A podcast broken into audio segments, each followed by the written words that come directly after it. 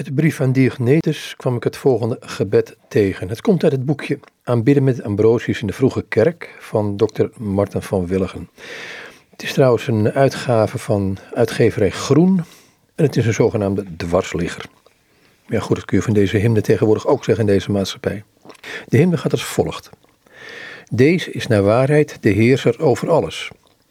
Hij is het die alles geschapen heeft. En hij is de onzichtbare God. Hij is het die vanuit de hemelen de waarheid en het heilige woord, dat met het verstand niet te vatten is, bij de mensen plaats heeft gegeven en in hun harten heeft bevestigd.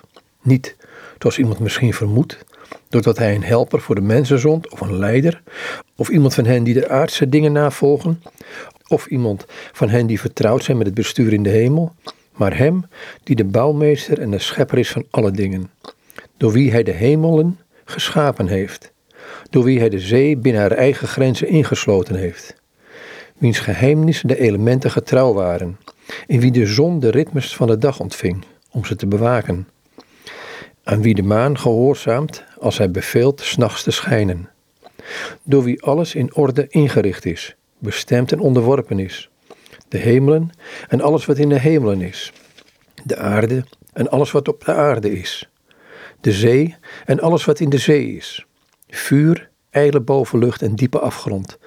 Alles wat in de hoogte is, alles wat in de diepte is en alles wat zich daartussen bevindt.